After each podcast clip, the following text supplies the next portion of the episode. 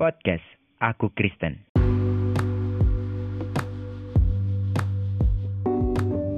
Yesaya pasal 55 ayat 11 Demikianlah firmanku yang keluar dari mulutku. Ia tidak akan kembali kepadaku dengan sia-sia. Tetapi ia akan melaksanakan apa yang kukendaki Dan akan berhasil dalam apa yang kusuruhkan kepadanya.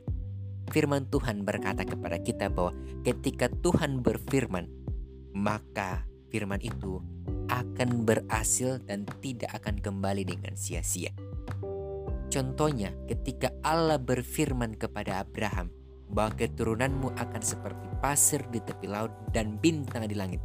Padahal Abraham sudah berumur 100 tahun dan Sarah berumur 95 tahun. Itu sudah tidak mungkin menurut pikiran manusiawi.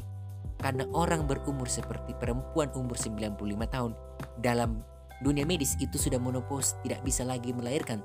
Tapi inilah janji Allah.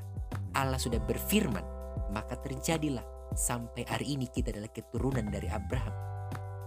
Janji Allah itu tidak akan pernah kembali dengan sia-sia.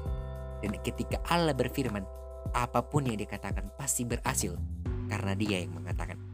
Kecuali kalau Allah itu kembali membatalkan janjinya itu, baru bisa. Tidak ada satupun orang hebat di dunia ini. Bahkan nabi-nabi, bahkan rasul-rasul, atau bahkan orang-orang yang dipakai Tuhan luar biasa untuk membatalkan janji tidak bisa. Kecuali dirinya sendiri yang membatalkan janji itu. Jadi firman Tuhan yang kita pegang hari ini itu akan berhasil. Firman Tuhan yang kita pegang hari ini akan membuat kita berhasil dalam melaksanakannya sesuai dengan janji Tuhan. Jadi jangan pernah takut melangkah.